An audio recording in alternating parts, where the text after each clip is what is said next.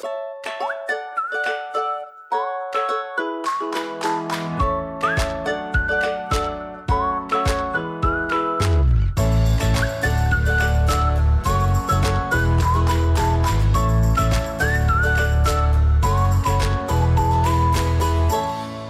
allemaal en welkom bij een nieuwe aflevering van de Wat ik wou dat ik wist podcast. De podcast waarin ik deel wat ik wel eerder had willen weten en verhalen vertel waar jij als twintiger hopelijk in herkent. De aflevering van deze week is een Q&A. Ik heb gevraagd of jullie wat leuke vragen naar mij door wilden sturen.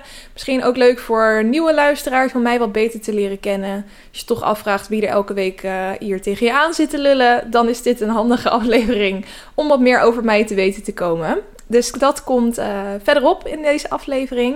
Ik zal nog eventjes mijn week met jullie doornemen. Ik heb eigenlijk best wel een lekkere week gehad. Met weinig aan de hand. Een chill weekend gehad. Ik had gewoon op vrijdag dat ik bedacht... Nou, ik heb gewoon letterlijk niks gepland staan. Dat is eigenlijk ook wel eens heel erg lekker.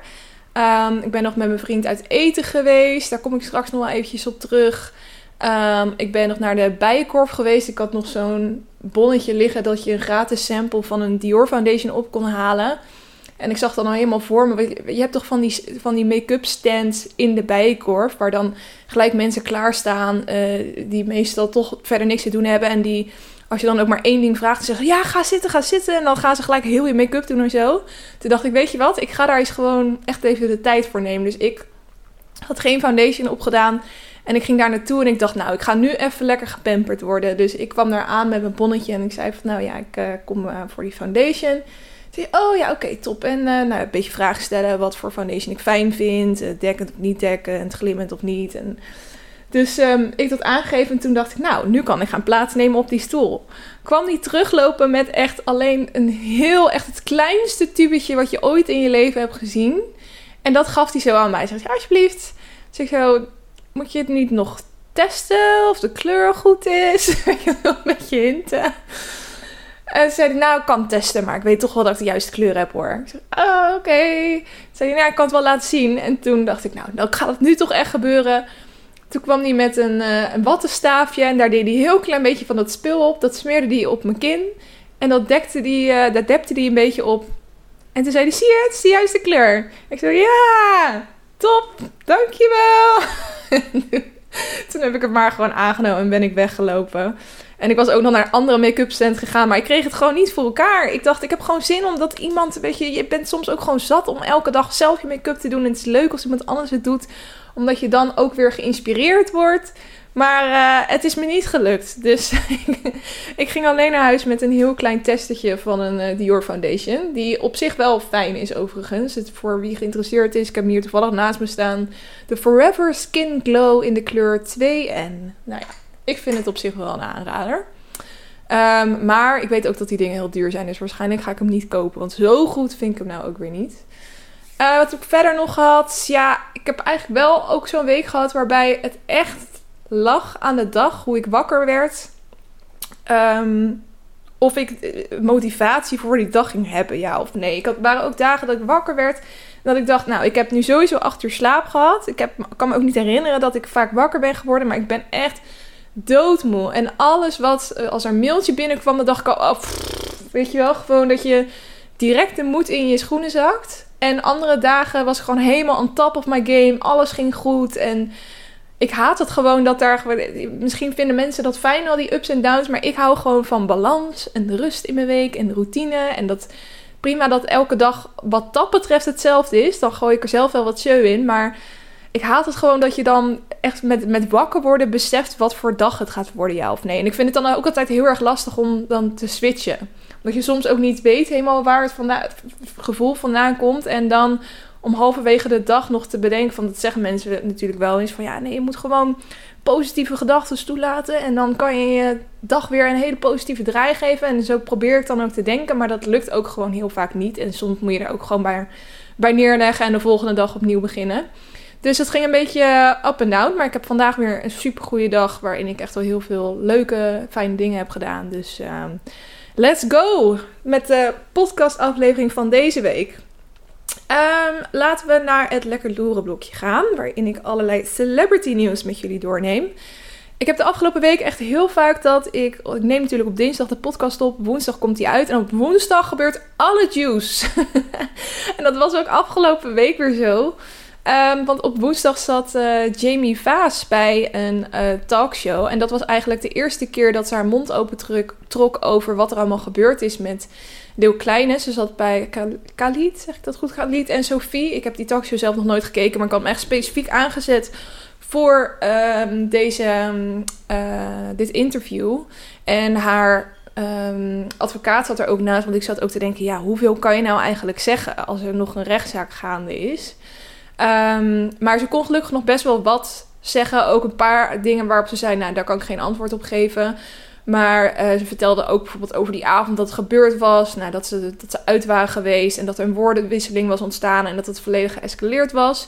En er werd ook gevraagd van hoe ze het eigenlijk vond dat al die beelden naar buiten kwamen. Daar was ik ook wel heel erg nieuwsgierig naar. En um, daarop zei ze eigenlijk dat ze stiekem best wel oké, of nou, blij is een groot woord, maar dat ze uiteindelijk wel dankbaar was dat het naar buiten was gekomen, omdat ze er zelf gewoon niet uit was gestapt. En nu kon ze eigenlijk niet anders, want heel Nederland zag het. Um, ja, en dat waren denk ik wel de highlights van dat interview. Oh ja, wat ik ook bizar vond. Ik, ik zei toch van die video van Leo Kleine. Ik geloof het niet helemaal. Ik heb gewoon het gevoel dat er heel management achter zit. En die heeft gewoon verteld wat hij moet oplezen. Dat heeft zij dus ook letterlijk bevestigd. Want de video die vorig jaar zomer uitkwam. Waarin zij met z'n tweeën naast elkaar zitten. Echt een creepy video is dat. Want je ziet dat zij helemaal flincht als hij haar probeert aan te raken. Um, dat, dat, dat hele script voor die video was gewoon geschreven door het management. En was ook gepusht om die video te maken door het management. Wat dus eigenlijk ten voordele van Leo Kleine's carrière was, maar ten nadele van haar uh, persoonlijke welzijn, zeg maar. Uh, en zij heeft nu ook gebroken met dat management. Ook omdat die Jorik dus nu die video naar buiten had gebracht. En aan iedereen zijn excuses aanbood, behalve aan haar. Um, want het was natuurlijk ook zo'n rol van ja, misschien doet hij dat omdat er een contactverbod is. Maar hij had dus zich wel gewoon tot haar kunnen richten in principe. En daar is zij dus ook heel boos over geworden. En daarom is ze gebroken met dat management, et cetera. En um, ja, wat zei ze nog meer? Dat ze terug naar Ibiza gaat. En dat ze zich daar het fijnst voelt met het kind. En uh, ja, verder uh, moeten we het nog maar gaan zien. Maar ik vond het wel heel moedig dat ze daar aan tafel ging zitten en het over ging hebben. Er was ook geen moment dat ze brak. Eigenlijk alleen toen ze die video zag van afgelopen zomer, waarin ze dus naast elkaar zaten. Ik denk dat ze die misschien helemaal niet meer heeft teruggekeken sindsdien. Toen zag je wel dat ze een beetje. Dat, ze zei het ook van: ik vind dat wel moeilijk om te kijken. Maar ja, ze brak niet in tranen uit of zo. En ik vind dat toch wel knap dat je er zo over kan praten. Ze zou ook wel aardige mediatraining hebben gehad, dat zeiden. Maar. En wat nog iets anders, wat ook begin vorige week, of in ieder geval net namelijk dat de podcast uitkwam, gebeurde, was. Uh, het Johnny de Mol artikel in HP De Tijd. Want zij hadden... Um, ja, ik heb dit helemaal gemist. Ik, ik was helemaal in shock hierdoor. Want dit blijkt al heel lang gaande te zijn. Maar in ieder geval, uh, zijn ex-vriendin, Shima Kaas, um, of ex-verloofde moet ik zeggen, die heeft dus uh, aangifte gedaan. Um, voor, over Johnny de Mol gaat het dus. En HP De Tijd zo'n opinieblad die heeft dus die aangifte uh, in beheer gekregen. Of die heeft die, I don't know, onderschept of zo. En uh, nou ja, niet letterlijk gepubliceerd, maar wel een heel artikel over geschreven waar ook drie uh, situaties worden voorgeschoteld. Um, die dus in die aangifte staan.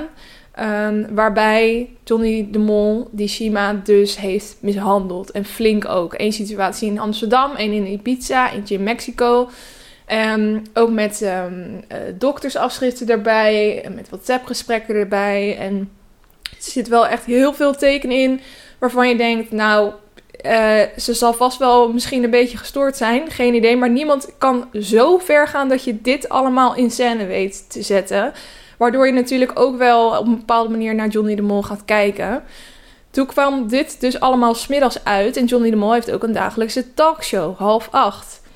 Toen zag je eerst in het nieuws dat hij uh, dat niet zou doen. Dat iemand zijn presentatierol over zou nemen die avond. Toen kwam in het nieuws dat hij toch wel ging doen. Nou, iedereen natuurlijk weer inschakelen, ik ook. En ehm, daar zei hij helemaal aan het begin van, eh, nou, voordat we met de uitzending van vandaag beginnen, uh, er is uh, wat in het nieuws gekomen over mij vanmiddag. En ik wil nogmaals zeggen dat dit absoluut niet waar is. Dat ik erdoor gechoqueerd ben, maar ook dat ik er verder niet op inga. Want dan wordt het alleen maar wel eens niet de situatie. En eigenlijk, ja, hij ontkent het dus gewoon keihard. En dat vind ik wel bizar, want ik, ik, het kan zijn dat zij misschien bepaalde details heeft overdreven. Maar ik, nou, ik vind het gewoon echt heel moeilijk te geloven dat dit alles, dat alles gelogen is hiervan. En als je het artikel leest, dat zou ik je ook echt aanraden om te doen. Um, om ja, ook eigen beeld te vormen. Dan, um, ja, dan, dan is dit gewoon wat het teweeg brengt. En bij iedereen die dit heeft gelezen. En daarom vind ik het best wel ver gaan dat hij nog steeds alles ontkent. Maar goed, misschien heeft hij ook gewoon op een gegeven moment zijn standpunt erin bepaalt en houdt hij daar uh, aan vast voor de geloofwaardigheid. Dus we'll see. Dit wordt dus ook wel weer een, uh, een zaak. Uh, en weer de zoveelste BN'er die in opspraak komt. Het is echt het jaar van de BN'ers die in opspraak komen. Of het nou gaat over seksueel overschrijdend gedrag of huiselijk geweld. het houdt niet op allemaal. Um, wat hebben we verder nog? We gaan naar leuke nieuws. Britney Spears is zwanger van haar derde kindje. En dat is uh, best wel wat jaar na haar laatste kinderen. Want ze heeft twee zoons, Sean en Jaden, van 16 en 15. En die komen uit haar relatie met Kevin Federline. Wie weet het niet, die uh, heerlijke spijker-outfits die ze toen naar een awardshow aan hadden. Met die spijkerhoedjes. Dat is echt zo'n fantastische foto. Ik wil die eigenlijk gewoon op een t-shirt hebben. Ik heb afgelopen week een Britney, toevallig een Britney Spears t-shirt gekocht. oh, ik ben uit geweest. Dat heb ik niet eens verteld in mijn, mijn weekoverzicht. Maar ik ben afgelopen week nog naar een poolcafé geweest. En daarna zijn we in de reguliers dwarsstraat beland. En ik heb het idee dat mijn shirt misschien de verkeerde signalen over mijn seksualiteit afgaf. Waardoor uh, ik af en toe in wat lastige situaties terecht kwam. Maar het was wel een hele gezellige, gezellige avond met vriendinnen. Maar goed, zo, het haakje uh, Britney Spears. Ik voelde het natuurlijk al aan en dat zij weer het nieuws zou komen. Dus ik had al t-shirt gekocht. Nee, het slaat nergens op.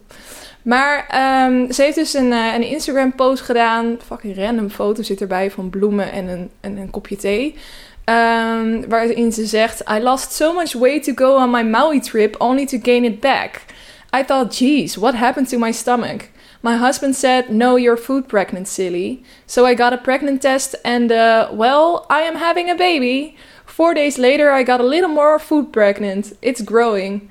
If there are two in there, I might just lose it. I obviously won't be go- going out as much due to the paparazzi getting their money shot of me, like they unfortunately already have. It's hard because when I was pregnant, I had perinatal depression Ik moest dat even opzoeken, wat dat is. En dat is als mensen zowel tijdens als na hun zwangerschap uh, depressiviteit ervaren. Uh, dus dat lijkt me wel heel heftig, inderdaad. I have to say it is absolutely horrible. Women didn't talk about it back then. Some people considered it dangerous if a woman complained like that with a baby inside her. But now women talk about it every day Thank Jesus we don't have to keep that pain a reserved proper secret. This time I'll be doing yoga every day, spreading lots of joy and love. En ja, blijkbaar wilde ze sowieso altijd nog zwanger worden voor een derde keer. Maar uh, ze stond natuurlijk onder curatelle van haar vader. En die van hem mocht ze dat blijkbaar niet. Geen idee waarom. Maar goed, ze is nu dus zwanger van haar huidige um, partner. En dat is Sam Ashgari, die ken ik verder eigenlijk niet. Nooit ook heel erg in verdiept. Maar volgens mij uh, wel een leuke vent. En um, ja, ze is 40 trouwens. Hè. Ze krijgt op haar 40ste dus nog een kind.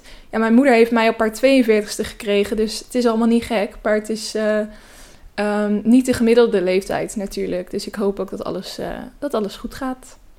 Um, dan tot slot, oh, ik heb een hele leuke trailer gezien van een nieuwe film uh, die op Netflix komt en hij heet Senior Year. Ik heb hem gisteren gezien en ik werd helemaal excited. Ik zie natuurlijk wel vaker films voorbij komen uh, die binnenkort dan op Netflix komen of whatever. Maar deze uh, vond ik echt een heel leuk plot hebben. Het deed me bijna als, aan een soort Mean Girls-achtig iets denken. Nou ja, Mean Girls is wel echt de, de, de koningin van alle comedies, vind ik. Maar deze uh, komt misschien wel in de buurt. We gaan het zien. Maar het is in ieder geval met um, Rebel Wilson. Ze is natuurlijk ook een superleuke actrice. En uh, de film komt 13 mei op uh, Netflix. En waar het over gaat, het gaat over een meisje die super populair is op de middelbare school. Die ook cheerleader is. En nou ja, ze heeft het hele wereldje uitgespeeld. Maar dan uh, krijgt ze een ongeluk waardoor ze 20 jaar in een coma ligt. Maar als ze dan wakker wordt, 20 jaar later, dan is ze dus al bijna 40. Maar zij zit mentaal nog gewoon in het hoofd van een 17-jarige. En zij heeft echt zoiets van: ja, hallo, ik zat in mijn laatste jaar van de middelbare school, ik was super populair en ik wil gewoon daar weer naar terug. Dus zij doet daar alles aan om dan weer op een middelbare school te komen. En dat gaat natuurlijk nogal moeilijk, want ja, je bent bijna 40. Van, um, willen, vinden we dat nog wel oké? maar het lukt haar dus toch. En je ziet dus in de film hoe haar senior year is als een bijna 40-jarige op een middelbare school. En wat ik dus heel grappig vind, is dat je ook ziet wat het verschil is tussen tieners van toen en tieners van nu. Want zij heeft al zoiets van ja. Ik weet precies wat je moet doen om populair te zijn. Je moet of de cheerleader zijn, of je moet um, het vriendinnetje van de jock zijn. Of dat heeft zij helemaal in haar hoofd. Uh, en ze vraagt ook de hele tijd, weet je, van... Uh, Oké, wat zijn de populaire tafels hier? Terwijl Gen Z van tegenwoordig, in ieder geval zo beschrijft ze het in die film... Uh, zijn veel minder bezig met die hiërarchie en juist heel erg met eenheid. En um, dat iedereen op zijn eigen manier speciaal is en bladibla. En zij moet daar dan dus weer eventjes helemaal inkomen met haar hoofd. En dan Um, heb je natuurlijk ook social media. Dus zij gaat proberen populair te worden op social media. En probeert ze dat uit te vogelen. Ja, ik uh, werd er echt ontzettend blij van. Ik ben echt heel erg benieuwd naar deze film. 13 mei. Oh, dat duurt nog een maand. Nog een maand moeten we wachten op deze film. Senior Year op Netflix. In ieder geval iets leuks om naar uit te kijken. We gaan door naar het Lekker Leven blokje waarin ik allerlei tips geef om jouw leven leuker en lekkerder te maken. En ik begin met een doetip, want zoals ik al zei ben ik uh, uit eten geweest met mijn vriend. En het was een heel leuk restaurant waar ik nog niet eerder was geweest in Amsterdam. En dat vond ik toch wel echt een aanrader. Het heet Vessel, V-E-S-S-E-L. En het zit bij de Houthavens in Amsterdam-West. Um, en dat zit dus aan het water. Het is echt super mooi. Ze hebben ook een heel groot terras. Dus is denk ik ook heel erg leuk in de zomer. Maar hun inrichting is fantastisch. Het is eigenlijk een, het restaurant van een hotel. En vaak zijn dat ook, in ieder geval in mijn ervaring, zijn dat vaak best wel goede restaurants ook die bij een hotel horen. Misschien dat ze toch iets meer budget hebben of zo, I don't know. Het was ook helemaal niet druk. Het was echt zo, alsof het een soort onontdekt pareltje was. Um, maar we hebben echt ontzettend lekker gegeten. En ze hebben allemaal van die uh, bites die je kan delen. Dus ze hebben gewoon zo'n deelmenu. En ze hebben ook een, uh, een koksmenu. Dus dan krijg je gewoon drie gangen die door de kok worden bepaald. En dan hoef je alleen maar aan te geven wat je, waar je wel en niet van houdt. En of je nog allergieën hebt. Dat vind ik eigenlijk altijd het leukste om te doen. Om gewoon verrast te worden. Alleen um, nu hadden we niet zoveel honger dat we zoveel gangen op konden. Dus we hadden toch wat deelgerechtjes gedaan. En wat ik wel heel erg leuk vond, was dat die ober echt heel erg meedacht. Want wij zeiden dan, nou, we willen de garnalen wel doen. Zeiden ja, nou ja, ik zou toch echt heel erg uh, graag jullie willen aanraden om de, om de zalm te doen. Want uh, weet ik veel, had hij een heel verhaal over waarom dat nu heel goed was. En uh, dat hij heel erg benieuwd was naar onze mening erover. En ook als we dan wat gegeten hadden, dan kwam hij naar ons toe. En hoe vonden jullie het? Ik ben echt heel benieuwd. Oh, wat leuk om te horen. En daar hou ik gewoon heel erg van. Je hebt best wel veel tenten in Amsterdam waarbij het je nog net niet uitgespuugd wordt door het personeel, zeg maar. Die echt puur en alleen aan het cashje zijn en aan het rennen over dat terras. En hier zo werd je echt compleet in de watten gelegd. Heerlijk vind ik dat. En ook de bijzondere combinatie van smaken. Je kon ook zo half de keuken in, kijken. En het leek echt alsof ze met uh, ja, een soort masterchef uh, ter gaande was. En uh, ik vond het gewoon super leuk. Dus, um, en je kan vanaf daar ook naar het Westerpark lopen. Dus dat hadden wij ook gedaan. Dus een kwartiertje lopen. Daar een rondje gelopen, nog op het terras gezeten, biertje gedaan en dan naar het restaurant gelopen. En je kan er ook heel makkelijk parkeren, want ze hebben eigen parkeergarage uh, onder het restaurant zitten. Dus um, ja, ik vond het een mega aanrader. En hoe ik hierbij kwam, was door een Instagram story van Yara Michels. Ik weet niet of jullie haar herkennen. Zij is ook een, eh, een Instagram influencer. Ze was ook de hoofdredactrice van de Linda Meiden. En ze had ook vroeger een modeblog die ik heel graag volgde. En zodoende vol, ja, ken, tussen aanhalingstekens, ik haar dus al best wel lang. En ik had het dus op haar Insta-story gezien en zij had het ook helemaal getipt en wilde heel graag dat mensen daar naartoe gingen.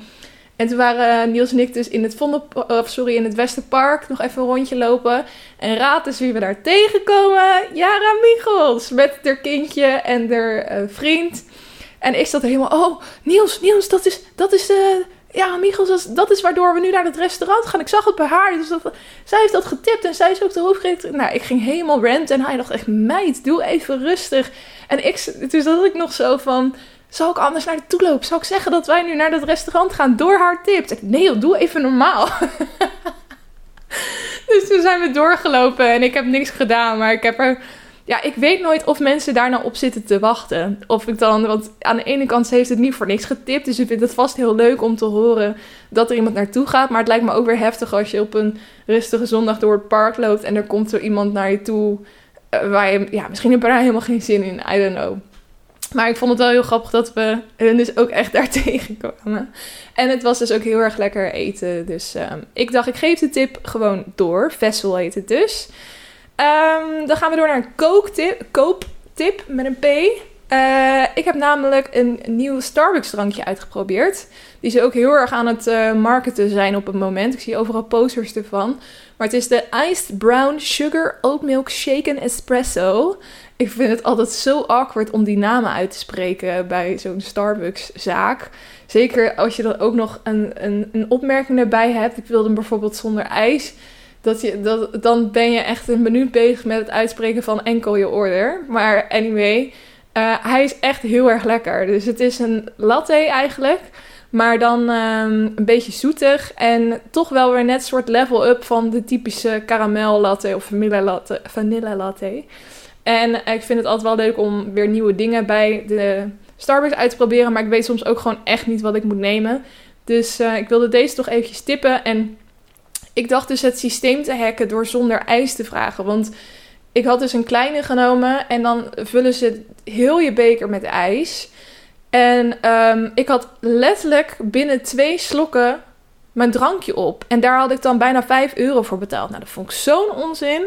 Dus ik dacht, weet je wat, de volgende keer bestel ik wel hetzelfde, maar dan zeg ik gewoon zonder ijs. Dus ik had dat gedaan. Dus ik denk, ze vullen hem dan wel gewoon, hè? Zo gewoon tot. je krijgt wel gewoon een flinke beker dan. Of in ieder geval gewoon diezelfde beker, maar dan wel goed gevuld. Nee, krijg ik echt voor de helft. Dus ik krijg een lauwwarme, twee slokken iced brown sugar oatmeal shake en espresso. Nou, ik vond het echt helemaal niks. In ieder geval, ik kreeg ook dat drankje en ik zag dat mensen om mij heen zo aan het kijken waren van wat de fuck krijgt zij. Dat zag die serveerster ook. Die zei, ja, ze wilde hem zonder ijs. Normaal zit hij wel voller, maar dit is zonder ijs. Maar ja, oké, dat werkt dus niet. Systeem hacken, dan weet je dat ook weer. Dus doe maar gewoon een grote, betaal maar gewoon veel dan, want dan geniet je er tenminste ook echt van. Um, en tot slot twee kijktips. Uh, omdat ik dus een vrij rustig weekend had, heb ik um, uh, lekker veel Netflix gekeken. En de eerste film die ik heb gekeken is The Unforgivable met Sandra Bullock. En dat gaat over een uh, vrouw die 20 jaar in de gevangenis heeft gezeten. En je, de film begint als zij vrijkomt.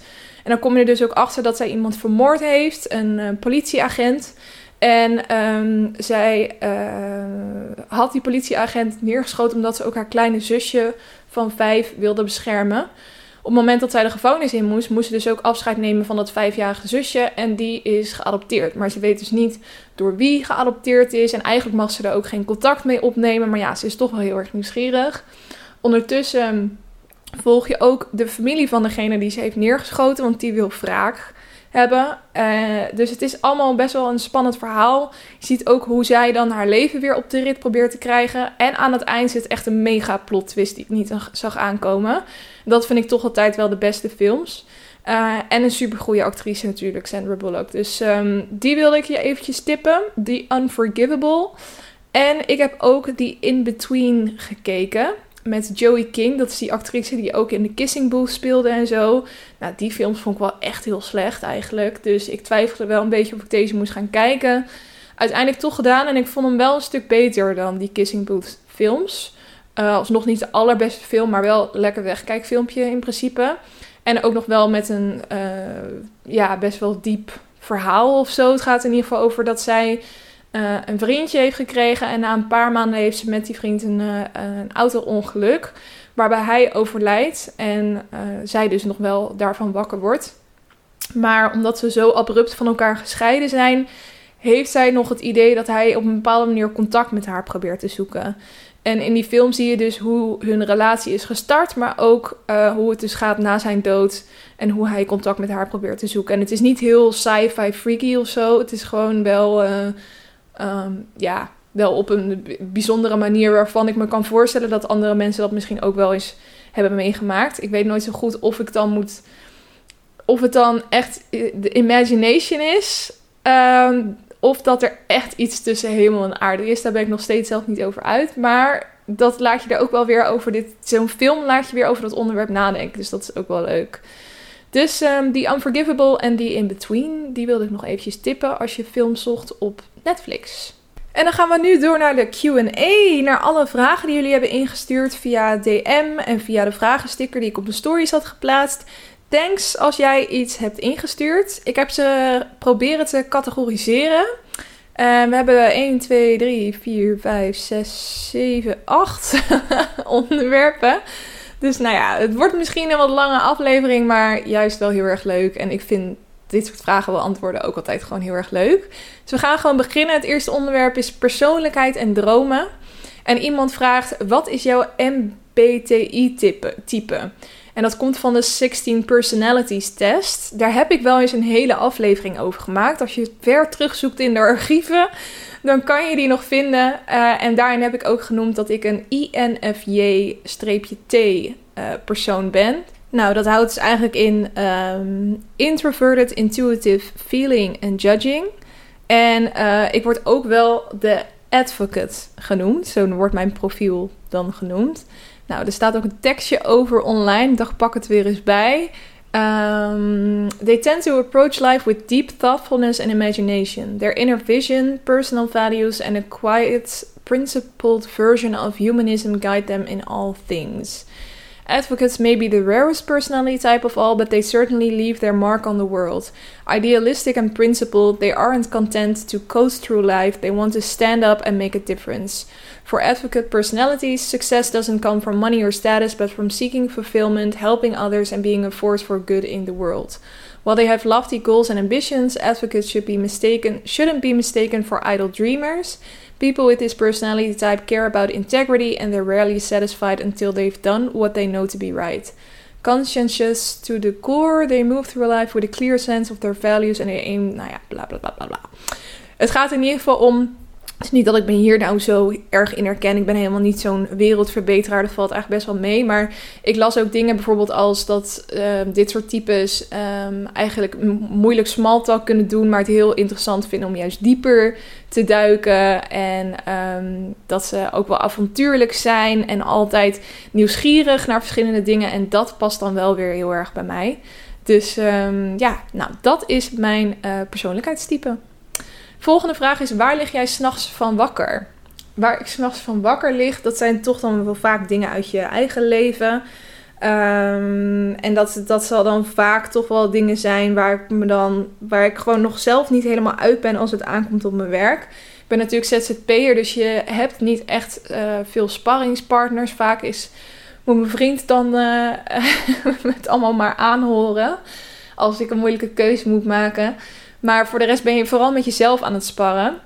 En overdag ben je druk met allerlei verschillende zaken. En dan kan het dan wel eens gebeuren dat ik s'nachts daar dan dus wakker van lig. Ja, moet ik nou voor die klus voor die klus gaan? Hoeveel kan ik daarvoor vragen? Is dat niet gek? Vinden ze me niet raar? Nou ja, je gaat natuurlijk allemaal dingen in je hoofd halen.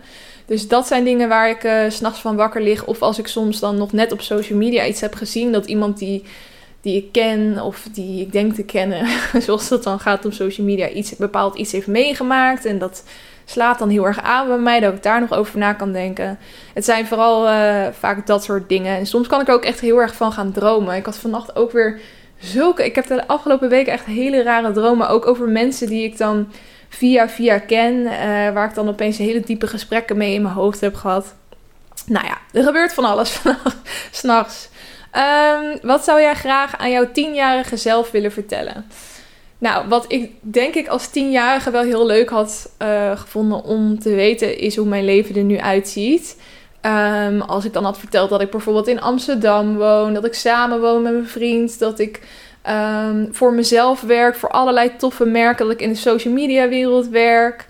Um, nou, ik denk dat ik dat soort dingen allemaal wel heel erg vet had gevonden om te horen. En dat uh, dat ook een soort geruststelling had kunnen zijn. Op je tiende valt het misschien nog wel mee, maar tussen je tien, tiende en twintigste moet je natuurlijk wel een beetje uitvogelen wat voor studie je wil gaan doen. En hoe je een beetje denkt dat je welke richting je leven moet gaan nemen. En um, ik denk dat dat wel fijn had geweest om te weten dat alles echt wel op zijn pootjes terecht komt. En dat je zelfs op plekken komt waar je nooit had verwacht dat je zou komen.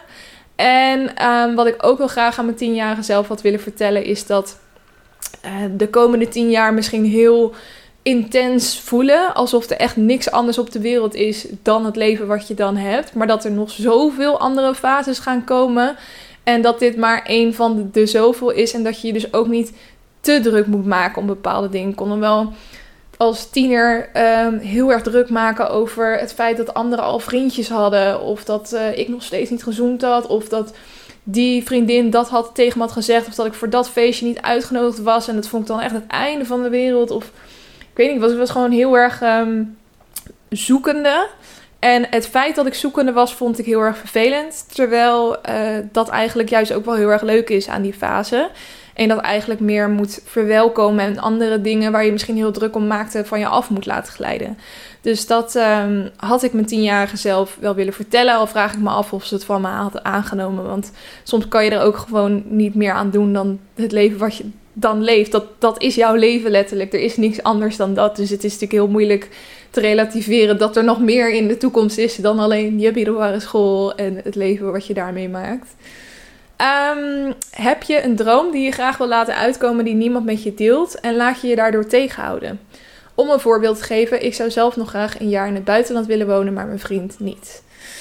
Ja, een uh, beetje soortgelijk wel ik wil dus eigenlijk heel graag een maand in Parijs wonen. Echt super random. Maar elke keer als ik een film zie die zich in Parijs afspeelt, of een serie die zich daar afspeelt, en dat heb ik denk ik al tien jaar of zo, dan denk ik van. En ook, ik ben al drie keer geweest, denk ik, in Parijs. Ik voel me gewoon heel erg thuis of zo in die stad. En ik krijg heel veel inspiratie van die stad. En um, het heeft gewoon iets, iets um, mysterieus, iets um, romantisch, iets magisch. Ik weet niet wat het is. Maar dat trekt me heel erg. En ik vind de taal natuurlijk ook fantastisch. Ik ben echt een talenfreak. En ik merk ook dat ik soms uit mezelf een beetje Franse woordjes ga oefenen. Gewoon omdat ik daar zin in heb. En dan denk ik, ja, zou ook wel leuk zijn dat je dan een maand daar zit. En dan elke dag Franse lessen hebt. En zo weer vriendinnen maakt. En een beetje gewoon hoe het voelt ook om een Parijzenaar te zijn. Dat lijkt me heel erg vet. Maar ik heb wel vaker bijna op het punt gestaan om dan iemand te vragen om een maand met mij daar te gaan wonen. Maar dan heb ik toch weer een soort van redenen in mijn hoofd gehaald waarom ik dat dan niet zou moeten doen. Um, ik heb het er wel een keer met mijn vriend over gehad. En die zei: Ja, ik, ik ga, voor mij hoeft dat allemaal niet zo. Uh, ik denk dat, ik dan, dat het ook een beetje zonde is van mijn geld. Want ik ga daar dan toch gewoon alleen maar thuis werken. En ja, jij wilde dan waarschijnlijk allerlei dingen gaan doen. En daar heb ik niet zoveel behoefte aan. Dus ik zei ook van ja, en als ik dan met iemand anders zou gaan of alleen, ja, vindt hij prima. Dat vindt hij helemaal niet erg. Dus wie weet dat het ooit nog wel een keer gaat gebeuren. Maar tot nu toe heb ik me inderdaad door allerlei random dingen laten tegenhouden. Um, maar misschien moet het uh, ook gewoon een keer op mijn pad komen en ga ik het dan uiteindelijk toch doen. Lijkt me wel heel vet in ieder geval. Um, wat is het leukste slash mooiste wat je ooit hebt meegemaakt? En wat is het ergste slash vervelendste wat je ooit hebt meegemaakt? Nou, laten we dan met het nare beginnen. Dan hebben we dat alvast uit de weg. Um, Even denken hoor. Wat is het ergste, ergste wat je ooit hebt meegemaakt? Ik heb wel echt het geluk dat ik tot nu toe een vrij vlekkeloos leven heb gehad. En dat wil ik direct eventjes afkloppen. Er is echt uh, weinig waar ik over te klagen heb. En ik heb ook geen grote trauma's meegemaakt of iets dergelijks. Het ergste wat ik wel vond is dat ik... Uh, um, natuurlijk een opa en oma, dat is echt verschrikkelijk om te verliezen. En, uh, maar ik was toen nog heel klein toen dat ook nog gebeurde. En um, ik heb nooit eh, gehad dat ik elke dag bij een oma of opa over de vloer kwam. Dus dat voelde toch anders.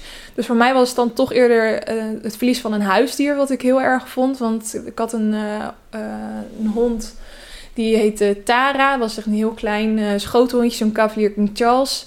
Die kreeg ik op mijn tiende en dat was ook de hond die ik zelf mocht uitzoeken. Want tot mijn tiende hadden we ook een hond. En dat was echt meer een beetje mijn moeders hond. En toen was het zo van, nou Kelly, jij mag uitkiezen wat het ras wordt, wat de naam wordt. En het wordt helemaal jouw hondje en jij gaat die verzorgen. Dus dat was dat hondje en die hebben we, nou, wat zal het zijn? Het was nou 10 of 11, 12 is die geworden. Maar die had op een gegeven moment echt uh, hartproblemen en dat ging gewoon echt niet meer goed. Die werd toen heel ziek en die moesten we toen laten inslapen. Ik vond de eerste keer dat we dus ons eerste hond moesten laten inslapen al echt verschrikkelijk. Maar de tweede keer kwam het nog harder binnen omdat het dus echt mijn hondje was. En toen uh, weet ik ook nog dat bij de dierarts lag, lag mijn hondje Tara dus op schoot. En toen spoot ze dus ook wat in, waardoor je dan helemaal rustig werd. En ze, nou, dat is gewoon heel naar om echt het leven uit zo'n beestje te voelen verdwijnen op je schoot. Dus dat vond ik echt een heel uh, zwaar moment. Maar dat is dan ook wel het ergste wat ik uh, heb meegemaakt. Dus daarmee mag ik van geluk spreken. En wat is het leukste en mooiste wat je ooit hebt meegemaakt? Um, klinkt een beetje cliché, maar verliefd worden, dat vond ik toch ook wel een heel bijzonder iets. Dat is toch iets waar je heel lang op hoopt en naar verlangt. En dat je allemaal romcoms ziet en je denkt, oh, dat, ik wil ook een vriendje. En hoe dat dan is en dates en zo. En het is allemaal echt niet zoals in de films. Dat is wel één ding wat ik heb geleerd. Maar ik vond het wel heel bijzonder om uh, ja, verliefd te worden op iemand. En um, ja, dat je, dat, dat je gewoon beseft van hetgene wat ik voel, dat wordt alleen maar meer. En dat gebeurt bij de ander ook op een of andere manier. En uh, liggen opeens zoveel, het leven wordt opeens zoveel leuker als je heel veel dingen samen kan gaan doen en kan gaan ervaren. En de stappen die je ook elke keer steeds onderneemt. Want wij hebben nu ook zeven jaar een relatie. Dus je, de relatie verandert ook wel elke jaar op een bepaalde manier. Maar zeker die, ook die beginfase, echt die spannende verliefdheid, die vlinders en zo. Dat vond ik echt wel iets heel moois om, uh, om mee te maken. Dus um, ja, verder vind ik, vond ik natuurlijk ook heel erg leuk toen mijn broer en zus kindjes kregen. Vond ik ook heel bijzonder om hun soort van te zien veranderen van die gekke broer naar papa. En um, om tante te zijn voor die kindjes en zo. Dat vond ik ook wel hele mooie momenten. En ja, dat familieleden gingen trouwen. En weet je, zijn, er zijn zoveel. En de mooie vakanties die ik heb gehad. Er zijn genoeg momenten op te noemen. Maar om er dan eentje op te noemen, dan zou ik, uh, zou ik dat doen, denk ik. Um, volgende vraag. Geld en nabijheid van familie en vrienden spelen geen rol. Waar ter wereld zou je willen wonen? Ik zou, ja, ja, in Parijs zou ik dus wel heel graag willen wonen. Maar ik weet niet of ik daar voor de lange termijn zou willen wonen. Um, maar wel gewoon voor een maand of voor een half jaar zou ik ook nog wel leuk vinden. Uh, Australië lijkt me ook heel vet. Hoe dat is om gewoon een zomer lang in de, kust van Australië daar zo te wonen. In Melbourne of zo. Um, New York, gewoon de hussel van zo'n stad. En dat altijd aanstaat, vind ik ook heel vet. Maar als ik echt voor altijd zou moeten kiezen, dan zou dat toch in Nederland zijn. Want het is hier allemaal zo ontzettend goed geregeld. En daar ben ik zo dankbaar voor. Als ook bepaalde dingen voorbij zien komen, hoe dat dan soms in het buitenland toe gaat. Dan denk ik, nou, nou, nou, wat heb ik het toch eigenlijk goed hier. Uh, en tuurlijk zijn altijd dingen waar je het misschien niet mee eens bent. Maar over het algemeen ben ik hier gewoon heel erg blij. Ik ben ook wel iemand die het heel leuk vindt dat er een verschil in seizoenen is. Dus dat we echt een, een winter, een lente, een zomer en een herfst hebben. Uh, en dat heb je natuurlijk ook. Er zijn er genoeg mooie, warme plekken. Maar ik zou dat dan ook niet voor het hele jaar door willen hebben. Dus ik ben eigenlijk wel heel erg blij met wonen in Nederland. We gaan door naar het volgende onderwerp en dat is lifestyle. Um, eerste vraag. Hoe zorg jij ervoor dat je leuke dingen plant, maar je agenda niet overstroomt? En dat is um, ja, eigenlijk gewoon heel cliché, maar naar je gevoel luisteren. Als jij gewoon merkt van iedereen, diegene wil nu dit en dat gaan doen, maar ik heb er gewoon echt geen puff voor, dan zeg ik nee. Ja, ik ben daar gewoon eigenlijk best wel makkelijk in. Um, en ik vind dat ook allemaal niet zo'n probleem. En ik vind het ook nooit zo'n probleem bij anderen als iemand zegt van joh, ik heb echt een zware week gehad. Ik kan, kan daar gewoon eventjes geen ruimte voor maken. Of ik zeg ook wel eens, ja, ik heb echt zoveel zin om vanavond gewoon lekker op de bank te liggen met een wijntje. Ik hoop dat je het oké vindt. En dan vinden ze dat ook altijd oké. Dus um, ik probeer gewoon een beetje die afwisseling erin te houden. En soms dan zijn er weken waar het super druk is. En soms heb ik zoals afgelopen weekend eigenlijk niet zo heel veel gepland staan. Dus het lost zichzelf bij mij eigenlijk ook altijd wel op. Ik, uh, ja, het gaat eigenlijk wel prima. Ik, ik heb niet echt een strategie ervoor, moet ik zeggen. Deze volgende vond ik ook wel grappig. Van stapavond in een disco naar kruidenpotjes. Vind je het ooit lastig te beseffen dat je ouder wordt? Ik ben nu bijna 25 en ik merk dat mijn interesses veranderen. Voelt soms heel degelijk. Nou, I feel you. Hier had ik natuurlijk het vorige keer over. Dat, dat, ja, dat dat contrast soms zo grappig is. Dat je helemaal excited wordt van huisvrouwen dingen maar het ook nog wel leuk vindt om in de club te staan. En soms ook wel eens denkt in een club van wat doe ik hier? En gewoon dat, die veranderingen bij jezelf opmerken, dat is heel raar. Dat is heel, ja, uh, naar, ja, weet ik niet. Ik weet niet of ik het... Ik vind het wel lastig soms, omdat ik denk, um, het voelt voor mij heel natuurlijk, soort van, om die verandering door te gaan. Maar als ik, uh, toen ik vijf jaar jonger was en ik hoorde mensen van mijn leeftijd nu zo praten, dacht ik, jezus, doe niet zo oud, weet je wel. Jij wordt echt oud. dus vanuit dat jongere ik-besef vind ik het wel lastig. Maar vanuit mijn huidige ik-besef vind ik het alleen maar chill en logisch. Dus dat is meer, het is meer zeg maar dat je denkt, uh, ja, ik word ouder. Dat besef meer. En ook het feit dat ik volgend jaar 30 word, dat vind ik gewoon nog steeds best wel een ding.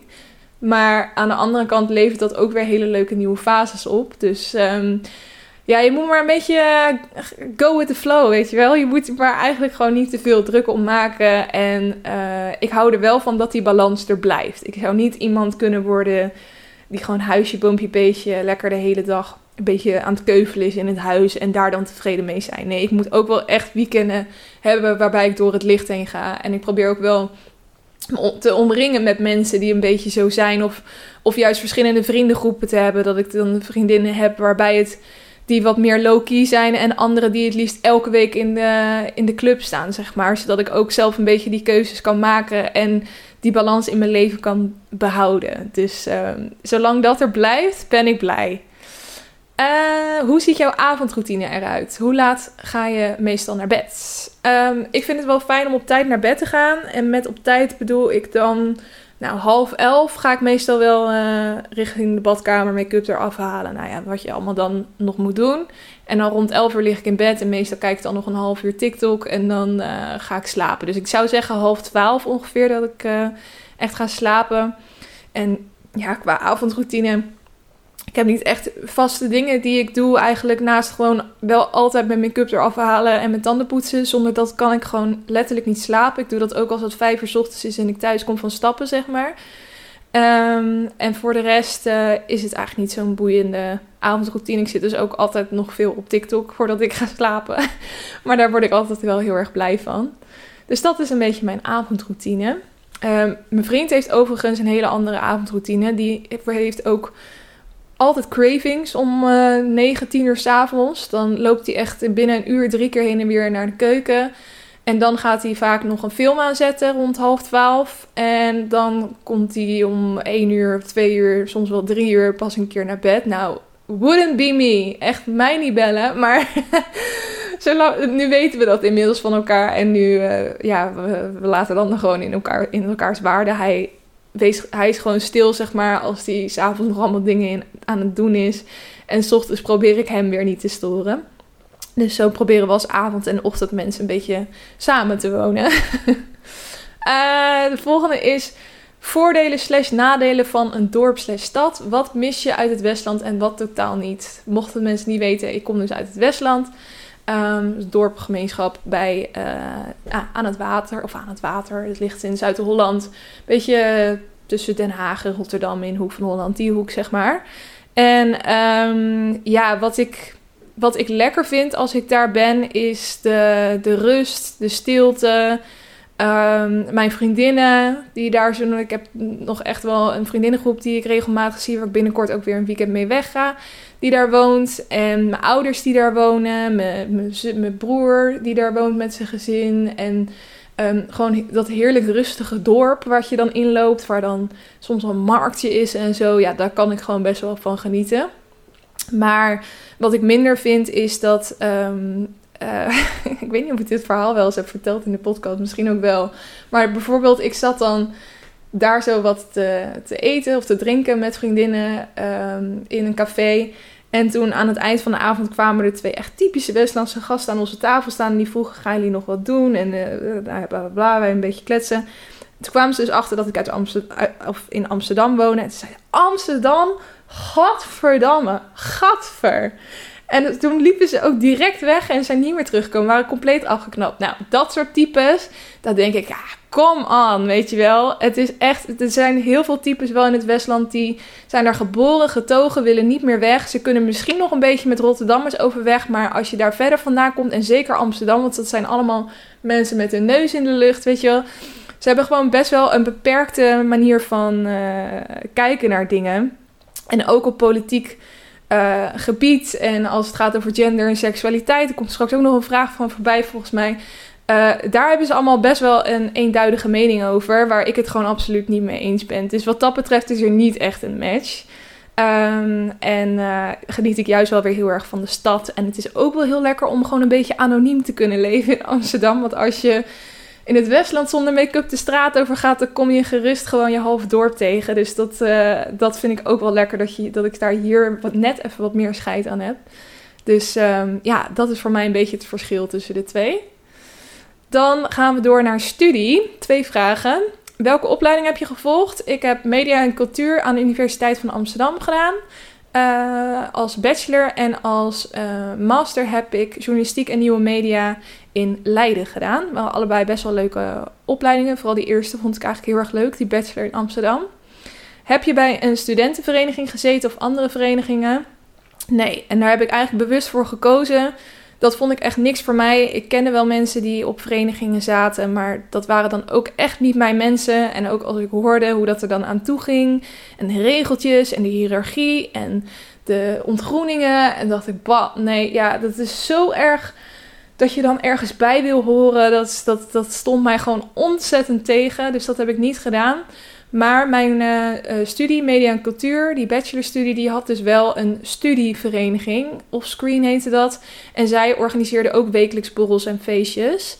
En dat was gewoon dan gewoon geheel vrijblijvend met iedereen van je studie. En uh, daar maakte ik wel graag gebruik van. Dat vond ik altijd wel heel erg leuk. En dat was voor mij ook voldoende. Ik had helemaal niet zo'n zin in zo'n studentenvereniging. Ja, ik weet dat sommige mensen echt Friends for Life hebben gemaakt. Maar nee, was echt niks voor mij verder. Dan uh, volgende onderwerp is werk. Mis je soms het werk voor een vaste aanhalingstekens baas? Um, deels wel en deels niet. Ik vind het wel heel erg lekker dat er niemand is die mij kan vertellen wat ik moet doen en wanneer. Um, wat ik minder vind is dat ik niet echt collega's heb waarmee ik kan sparren. En ik mis ook wel soms gewoon office life. Dat je dan. Dat heb ik nu dan dus wel eens als ik meerdere dagen weer bij een klant op kantoor zit voor meerdere maanden. Dan krijg je dat office life weer een beetje mee. Maar gewoon dat je met collega's zit. En hoe was jouw weekend? Oh, wist je dat die en die van dat en dat, uh, die afdeling dit en dit hebben gedaan? Gewoon dat het een beetje geroddeld tussendoor. Heerlijk. en dan uh, zo'n kantine waar dan allemaal lekkere broodjes en salades voor je klaarstaan dat vond ik altijd wel echt, uh, echt top. Maar goed, dat was er natuurlijk ook weinig afgelopen jaren met uh, corona. Dus wat dat betreft miste ik dat niet. Maar nu dat weer een beetje komt, denk ik van, ah, dat had ook wel wat. Um, maar ja, ik, ik, ik heb nog wel eens aanbiedingen gehad de afgelopen tijd om weer ergens in dienst te gaan. Echt voor hele toffe functies. Maar dan denk ik toch, ik, dat, ja, ik vind het gewoon zo lekker om mijn eigen week in te kunnen delen. Om verschillende uh, klanten en projecten te hebben veel afwisseling hebt. Dat ik de vrijheid heb om smiddags ook nog gewoon eventjes te gaan sporten of wat dan ook. Ja, het biedt gewoon echt heel veel vrijheid. En je hebt ook meer groeimogelijkheden, moet ik ook heel eerlijk in zijn. Um, toen ik nog bij een baas werkte, dan moest ik allerlei doelstellingen behalen gedurende het hele jaar. En dan ging ik dan een paar procent bruto erop vooruit. Wat netto dan, uh, weet ik veel, 50, misschien net aan 100 euro was. Terwijl je met, als freelancer zijn gewoon veel grotere verschillen kan maken. En het is echt wat je er zelf instopt, dat je er ook weer uit krijgt. En dat motiveert natuurlijk ook heel erg. Dus nee, over het algemeen mis ik het werk voor een vaste baas niet. Voor welk bedrijf zou je echt als droom de marketing of social media willen doen? Um, nou, er zijn natuurlijk wel een paar bedrijven waarvan je waar, dan, waar je dan wel eens naar kijkt en denkt van wauw, die hebben hun social media echt goed op orde, die zijn goed bezig. Nou, je hebt natuurlijk de standaard voorbeelden van een, uh, een bol.com bijvoorbeeld, die maakt echt altijd wel hele leuke dingen. Ehm, nou, er zijn nog wel wat merken zo waarvan ik denk, oh, die doen het goed. Maar ik weet dan ook van daar zit een heel social media team achter. En dan zou ik toch één speler worden binnen dat teampje. Terwijl ik het eigenlijk wel heel erg leuk vind om in mijn eentje echt voor een groot merk dan nieuwe social media kanalen op te zetten en dat volledig zelf uit te voeren en het dan te zien groeien. En dat is eigenlijk wat ik nu heb bij Saanse Mayonaise. En dat is best wel uniek, want de meeste grote merken die hebben natuurlijk al lang een volledige social media afdeling. En dat had dit merk nog totaal niet. En dan mag ik gewoon zelf lekker mee gaan spelen. Dus dat vind ik heel erg tof. Dus het is misschien niet ehm, een, een specifiek bedrijf of merk waarbij ik zou willen werken. Ja, natuurlijk een Google of een YouTube of zo. Ik zou er gewoon een keer billen willen zijn en dan misschien adviezen en trainingen geven of zo. Dat zou wel heel erg vet zijn. Maar als het gaat over de uitvoerende kant, lijkt me gewoon vet om nog meer grote merken te hebben die dan echt door mij specifiek hun hele social media strategie willen uit laten voeren of zo. Dat, uh, dat vind ik heel erg tof. Uh, ben je wel zenuwachtig en wat doe je daartegen? Ja, ik ben zeker wel eens zenuwachtig. Ik, uh, als ik spannende mailtjes moet versturen of als ik telefonisch opeens uit het niets wordt gebeld, dat vind ik nog steeds zo erg. Wat dat betreft heb ik wel een beetje belangst. Je hebt natuurlijk wel vaker dat er, er zijn mensen um, in het werkveld die heel erg van het bellen zijn en je hebt mensen die gewoon meer van het mailen of appen zijn. En het gebeurt nog wel eens dat ik gewoon uit het niets gebeld word door een compleet nieuwe klant of potentiële nieuwe klant. En die begint dan gelijk te ratelen van ik ben die persoon van dat bedrijf en wij kampen hiermee en we zijn op zoek naar dit, kan jij dat? En dan, uh, dan probeer ik zo snel mogelijk naar een laptop te rennen en alles in te tikken. Want dan vragen ze ook direct wat voor mij. Dus dan moet ik direct kunnen presteren en mezelf soort van kunnen verkopen. Nou, daar word ik dus best wel zenuwachtig van. Ik ben wel meer iemand die dat dan lekker uit wil kunnen typen. En er nog even over na wil kunnen denken wat ik dan wil voorstellen. Uh, en soms als ik dan een heel social media plan of strategie heb geschreven en ik ga die dan presenteren en er zijn dan ook opeens allemaal andere mensen bij uh, binnen het bedrijf die uh, een hoge functie hebben, die dan toch ook even willen meekijken, aan willen horen. En zeker als het dan digitaal is, dan heb je ook nog een soort ja, vertraging soms op de lijn of zo. En dan zie je ze allemaal zo staren naar je via dat scherm. Dat kan ik ook altijd wel heel erg spannend vinden. Dus dat, voor dat soort dingen ben ik wel zenuwachtig. En wat doe ik daar dan tegen? Nou ja, dan probeer ik eigenlijk gewoon bijvoorbeeld met zijn telefoongesprek te zeggen van... joh, uh, klinkt allemaal supergoed. Zou je het voor mij nog eventjes op de mail kunnen zetten? Dit is mijn e-mailadres. Um, dan kan ik er wat rustiger naar kijken. En dan, uh, dan kom ik uh, via de mail bij je terug. Nou, supergoed. Heerlijke hack. En um, in zo'n meeting waarin ik dingen moet presenteren daar probeer ik gewoon heel erg op mijn ademhaling te, te letten. Want die gaat soms nog wel eens heel hoog zitten. En dan kom je gewoon een beetje met jezelf in de knoop. En um, eigenlijk uh, ook gewoon veel dat te oefenen. Ook zonder publiek tussen aanhalingstekens. Ook om, dan, om jezelf dan een beetje in te praten van ja, het is niet gek wat ik allemaal heb opgeschreven. Dit zijn, is echt hele waardevolle informatie. En dit is um, wat zij graag wilden horen van mij. Gewoon een beetje dat soort affirmaties tegen jezelf uitspreken. Dat helpt uh, ook best wel goed. Dus uh, hopelijk heb je daar wat aan. Dan gaan we door naar hobby's. Speel je een instrument? Zo ja, welke? En zo nee, welke zou je graag willen kunnen bespelen? Ik speel uh, de gitaar. Ik heb van mijn 14e tot mijn 16e gitaarles gehad. En uh, sindsdien eigenlijk gewoon zelf een beetje af en toe aan het spelen. Um, ik kan een beetje tokkelen en ik kan vooral uh, akkoorden slaan. En dan heb je gewoon van die websites waarop je dan een nummer kan aanklikken. En als je een paar standaard akkoorden kent, dan kan je eigenlijk al een hele hoop liedjes spelen. En dat vind ik eigenlijk het leukste om te doen. Om dan gewoon um, die akkoorden te spelen en een beetje mee te zingen met de tekst. Gewoon in mijn eigen woonkamer en voor de rest helemaal niks. Ik heb geen ambities om er beter in te worden, om op een podium te gaan staan, om zangles te nemen. Allemaal niet. Ik vind het gewoon leuk om zelf af en toe te doen. Dus um, dat doe ik.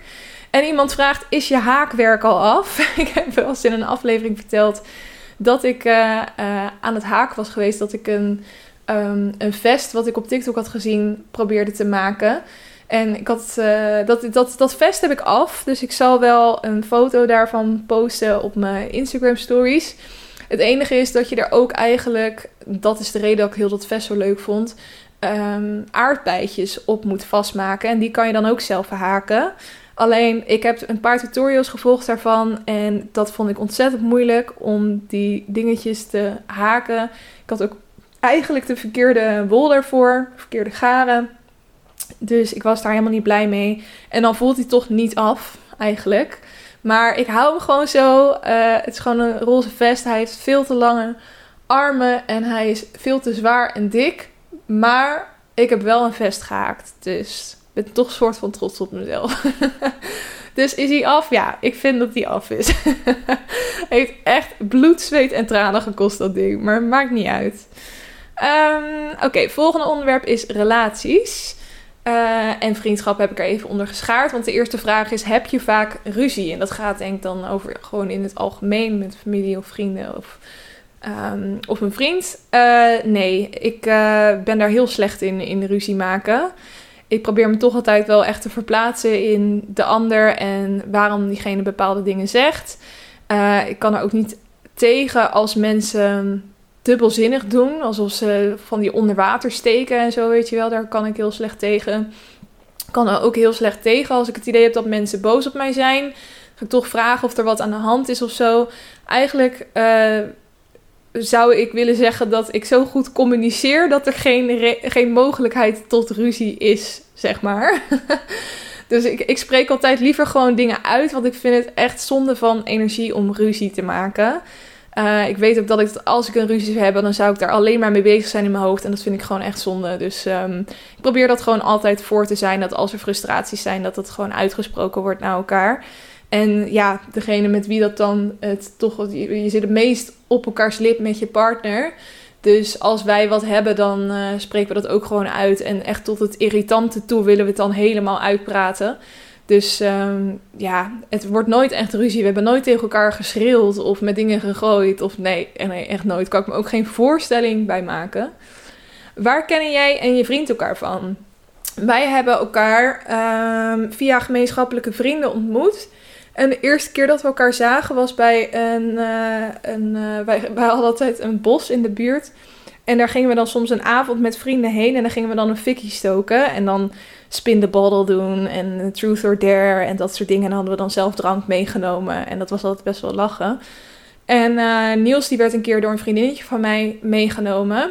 En zodoende, echt toen hadden we elkaar leren kennen, nummers uitgewisseld. En toen hebben we nog een jaar of iets gedate. En uh, uiteindelijk dus uh, een relatie gekregen. Dus zodoende eigenlijk, het was al wel de tijd van Tinder. Ik had ook wel wat gesprekken op Tinder, maar uiteindelijk heel erg blij dat ik toch iemand uh, via via heb leren kennen. Vind ik toch wel een leuker verhaal dan ja, via Tinder. Ook al is dat helemaal oké als dat bij jou natuurlijk wel het geval is. Um, hoe lang duurde het voordat jullie gingen samenwonen? Nou, dat heeft best wel even geduurd. Want we hebben nu zeven jaar een relatie en we wonen twee jaar samen. Dus waren we al vijf jaar samen voordat we gingen samenwonen. En dat kwam er eigenlijk doordat toen we net wat kregen, toen was ik mijn studie aan het afronden en ging ik bijna werken. En Niels die ging net een nieuwe studie beginnen. En die studie die was in Rotterdam. En mijn um, studie en werk zat eigenlijk allemaal in regio Amsterdam. Dus het was gewoon niet echt heel praktisch om op dat moment samen te gaan wonen. Toen heb ik nog wel hem soort van proberen te motiveren om dan misschien een kamer in Amsterdam of uh, een kamer in Rotterdam te nemen. Dat hij al wel een beetje voelt hoe het is om eigen benen te staan. En dat we daarna samen konden gaan wonen. Maar uiteindelijk is hij gewoon thuis blijven wonen. Tot wij twee jaar geleden gingen samenwonen. En dat is uiteindelijk dus in, uh, in Amsterdam geworden. Dus uh, nu al uh, nou, bijna 2,5 jaar. Dus dat gaat heel goed. En tot slot de laatste vraag. Heb je een kinderwens? En zo ja, hoe sterk voelt dat voor jou? Twijfel je er wel eens aan? Um, ik heb eigenlijk altijd wel gewild dat ik, geweten dat ik kinderen wilde. En je ziet natuurlijk nu steeds wel vaker dat er ook mensen zijn die er expliciet voor kiezen om geen kinderen te nemen. En ik moet ook zeggen dat ik bij het idee van kinderen hebben zelf nu nog totaal niet warm word. En ook als ik wel eens bij mensen ben met kinderen, dat ik een paar minuten kan denken van, oh leuk, leuk. En dan begint het te draaien en weet ik van allemaal. En denk ik, oh ja, ja, dat heb je dan ook. Dus dan denk ik al snel van, uh, hoeft voor mij nu nog niet. Uh, en um, dat komt ook nog wel. Weet je, we zijn pas 28. Dus ehm, voor ons eh, is dat echt een, een langer termijn ding en, en hoeft dat nu nog echt niet. Maar we zijn het wel allebei over eens dat we dat graag zouden willen. Ja, dat we wel één of twee zeker wel zouden willen krijgen. Als dat ons gegund is, natuurlijk. Tot, nou niet tot slot, nog twee onderwerpen. Podcast. Welke podcast luister jij? Ik luister um, qua Nederlandse podcast Broers van Sam en Rijk. En wat luister ik nog meer? Ik pak eventjes mijn lijstje erbij hoor. Ik ben toch overgestapt trouwens van podcast app. Ik deed dat eerst via Apple Podcast. En nu heb ik, ben ik toch via um, Spotify aan het luisteren. Um, even kijken. Oh ja, de, de tumor tapes had ik geluisterd. Die hebben nu weer een Q&A geüpload na anderhalf jaar. Dat is een beetje een oudere podcast, maar die vond ik wel heel erg goed. En Man en Man luister ik eigenlijk niet echt meer. Dat luister ik vroeger wel veel. Wat hebben we dan nog meer? Ja, ik luister veel Amerikaanse podcasts ook. Thick and Thin is een Amerikaanse die ik luister. En zij heeft ook een andere podcast samen met twee vrienden van haar. Match Made in Manhattan heet dat. En dat is meer een dating podcast. En Geus en Gorgels luister ik ook graag. 24 vind ik leuk. En dat was het wel. Ja, je, dat zijn toch allemaal podcasts die dan wekelijks uploaden. Nou, dan ben je al snel vijf uur aan podcast per week aan het luisteren. Ik vind het best wel veel hoor. Je hebt zoveel leuk aanbod tegenwoordig. Maar dat zijn wel degenen die ik nu het meest luister. Uh, hoe heb jij je podcast laten groeien zonder dat je, de, dat je omgeving ervan wist? Dit kwam ook volgens mij van iemand die ook een podcast is gestart en het eigenlijk een beetje anoniem wil opbouwen. Um, ja, ik had gewoon het geluk dat ik er best wel vroeg bij was. In de periode dat ik startte, waren er nog niet zo heel veel podcasts in mijn straatje. Er waren heel veel financiën, economie, ehm, politiek, wetenschap, filosofie. Dat soort podcasts waren er allemaal wel. En dan altijd door mannen gepresenteerd. Maar uh, ja, een podcast zoals die van mij was er nog niet echt. En zeker niet door een vrouw. Dus toen ik dat maakte, toen werd ik best wel snel uh, opgepikt door Spotify. Want die hebben ook zo'n, als je naar de podcastpagina van Spotify gaat, zo van deze raden we je aan. Of speciaal voor jou maandagmorgen, weet je wel. Staan er altijd een paar bovenaan. En um, toen stond die van mij onder het kopje uitgelicht bovenaan voor twee of drie weken lang of zo. Omdat hij dus een beetje nieuwig was. En als hij daar bovenaan staat, dan krijg je opeens een boost in luisteraars. Dus dat zorgde er ook wel voor dat hij weer hoger in andere lijstjes binnen Spotify kwam te staan. Dus zo werd hij eigenlijk uh, elke keer weer meer verspreid. En zo is het eigenlijk gaan groeien. En ik had ook een uh, Instagram-account aangemaakt. En daarmee probeerde ik dan ook mensen een beetje op de hoogte te houden van nieuwe afleveringen en zo.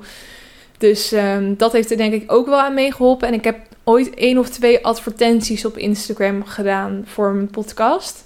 Maar dat, ik heb niet echt het idee dat dat nou hetgene was wat uh, het grootste verschil heeft gemaakt. Is vooral dat Spotify mij dus had uitgelicht voor een aantal weken.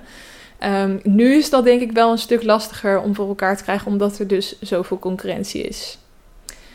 Um, wat vind je zelf de sterke en zwakke punten van je podcast? Trouwens, al jaren trouwe luisteraar hier. Thanks. Um, de sterke kanten vind ik dat het heel uh, authentiek is.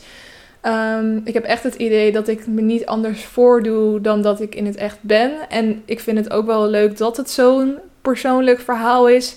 Omdat ik dat gewoon heel erg miste. En dat, dat is ook de reden dat ik dit ging maken.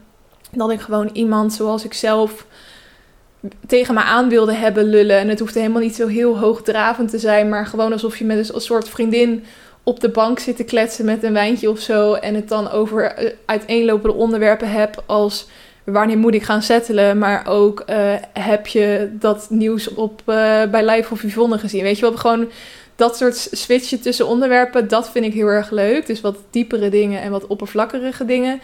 Um, en dat het ook niet te perfect is of zo. Ik edit hier echt bijna niks in. En dat maakt het wel heel echt, denk ik. Dus dat vind ik er sterk aan. En wat ik er wat zwakker aan vind, is dat ik um, het soms best wel makkelijk doe met, met dingen research of zo. Dat ik er soms wel eens dingen uitgooi, terwijl ik denk, nou, ik had daar ook eventjes een, netjes, uh, net verhaal van kunnen maken met een duidelijk begin en eindpunt, onderbouwd met bepaalde bronnen. Zeker als het over een uh, ja, onderwerp gaat waarbij ik echt de geschiedenis in ben gedoken, dan vind ik dat ik nog wel iets meer research zou uh, moeten doen. Maar ja, ik wil ook heel graag vasthouden aan dat wekelijkse uploadschema. En ik heb soms ook gewoon hele drukke weken. Dus dat vind ik soms wel eens zonde dat ik er dan niet, wat dat betreft, alles heb uitgehaald wat er misschien in heeft gezeten. Maar ja, dat, uh, dat, uh, dat gebeurt soms helaas. Dus dat zou ik een wat mindere kant noemen dan. Heb je wel eens kritiek gehad van mensen om je heen door iets wat je in de podcast hebt gezegd? Nee, eigenlijk nooit. Het enige wat ik kan bedenken is dat een vriendinnetje mij een appje stuurde van... Um, Kelly, heb jij het toevallig gehad over het vrijgezellenfeest van die in je podcast? En ik dacht, oh kut. Dat had ik dus eigenlijk over uh, het vrijgezellenfeest van een heel goed vriendinnetje van mij. Had ik in de podcast al gezegd dat ik dat aankomend weekend op de planning had staan. Terwijl zij dus naar mijn podcast luisterde, het meisje voor wie het vrijgezellenfeest was, en die wist nog van niks. Dus toen zat ik compleet in de stress. En toen ben ik heel snel die video, of die video, die aflevering uh, gaan bewerken. En een nieuwe versie heb ik toen geüpload. En het was vrij snel bijgewerkt, maar dat was één groot drama. Want toen moesten, ging de zus van ook nog in haar Spotify-geschiedenis kijken om te zien of ze dat stukje had geluisterd. En nou ja, ik was helemaal bang dat ik de verrassing had verpest.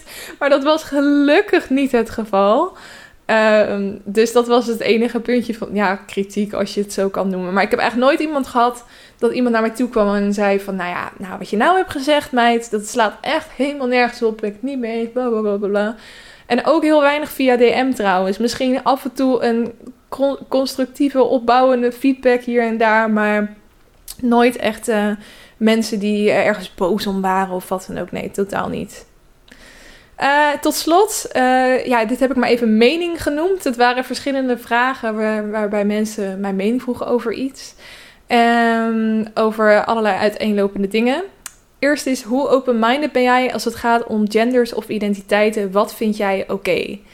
Nou ja, ik ben daar best wel open-minded in. Ik, uh, ik denk vooral altijd van, uh, als het, als het mij niet gaat, wie ben ik dan om ergens iets over te vinden? Weet je, laat iedereen gewoon lekker zijn eigen leven leven. En als dat is de manier van leven is waarvan zij gelukkig van worden, uh, wie ben ik dan om daar wat van te gaan zeggen? Dus eigenlijk vind ik het helemaal niet mijn zaak of zo, weet je wel.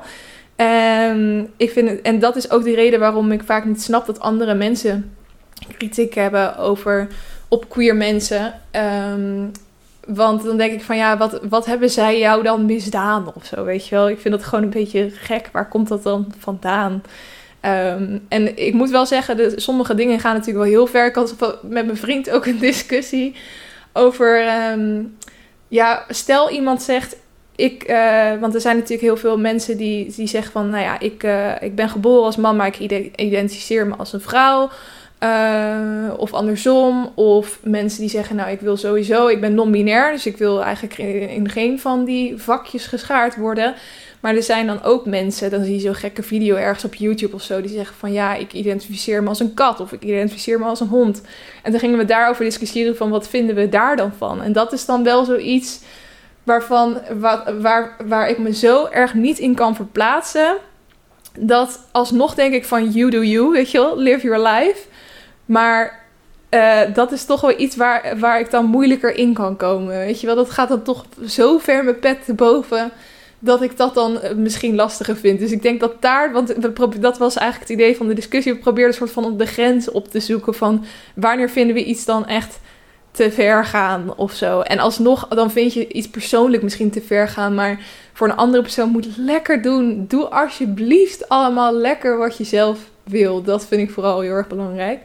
Maar uh, ja, dat vond ik wel een interessante discussie. Ik ben benieuwd wat jullie daarvan vinden. Misschien ligt de, grens al een stuk eerder bij jullie. Um, geen idee. Maar ja, ik ben daar dus best wel open-minded in. Wat is jouw mening over influencers waarbij hun kids voorkomen in campagnes? Ja, ik vind het hele. Dat, dat vind ik eigenlijk een nog een veel bredere discussie over het begrip mommy-influencer in het algemeen. Weet je, de, je want het is toch vaak zo van ja, als je, als je wilt delen over moederonderwerpen, dan deel je ook je kinderen online. En dan kom je natuurlijk uit van ja, uh, hoe oké is het dat jij je kinderen deelt. En zelfs als ze zeggen dat ze het oké vinden, misschien vind, kijken ze tien jaar later terug en dan denken ze ja, ik vond het eigenlijk toch niet zo chill dat jij mij eh, op die manier eh, online heb gezet, mama. Weet je, dus dat, dat vind ik gewoon nog wel een, een lastige. Ehm, en ik heb daar ook niet echt een hele duidelijke mening over. Want ik vind dat gewoon.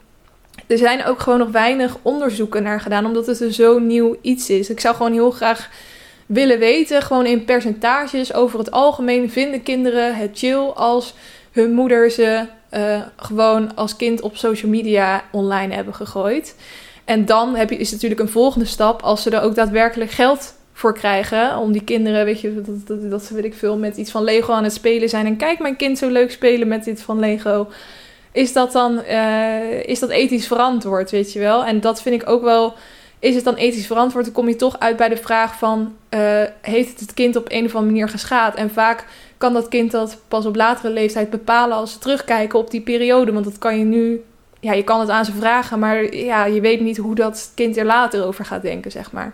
Dus ik vind het gewoon heel uh, moeilijk. Maar ik, ja, ik denk toch ook van, als je niet weet, ja, ik weet het niet. Ik weet niet, kinderen vinden zoveel dingen leuk, maar misschien als je later terugkijkt dat je denkt, nee, dat, dat had je toch niet moeten doen. Ik, ik weet het niet. Ik vind dit een hele moeilijke vraag. Um, tot slot, de laatste vraag is, wat vind je van Belgen? Vond ik een hele leuke vraag. Ik weet ook dat er veel Vlaamse luisteraars zijn. Dus ik denk dat deze ook van een Vlaamse luisteraar afkomt. Um, ik vind Belgen heel schattig. dat is misschien, ik weet niet of ze het leuk vinden om schattig genoemd te worden. Maar ja, je hebt toch dat harde, knauwende Nederlands. En als je daar dan dat Vlaamse naast zet, dan klinkt het gewoon automatisch schattig. Dus ik heb dat ook als ik om me heen Belgen hoor praten, daar krijg ik dan gewoon een klein eventjes euforisch momentje van. Dat ik denk, oh lekker, dat klinkt gewoon fijn of zo. Het klinkt lief en um, het maakt me wel heel erg vrolijk. Um, maar ik denk ook dat ze. Dat ze uh, ik kan me gewoon heel moeilijk een Belg boos voorstellen. Want je gaat natuurlijk ook wel op basis van het feit dat je ze dan schattig vindt klinken, aannames doen over hoe ze echt zijn. En ik kan me dus niet een agressieve Belg voorstellen. Terwijl die er natuurlijk ook gewoon prima zijn.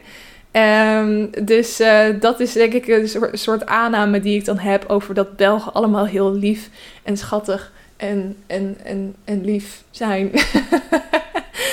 maar ik moet zeggen, ja, ik ken ook weinig Belgen. Ik, ik, ik, ik, hoor ze alleen om me heen als ik af en toe ergens op een terrasje zit. En dan word ik er altijd heel vrolijk van. Maar volgens mij zijn het hartstikke leuke, lieve mensen. En uh, ja, ik heb ook, ik, ik, moet, sorry, ik moet de hele tijd denken aan twee vriendinnen van mij. Eentje luistert mijn podcast ook.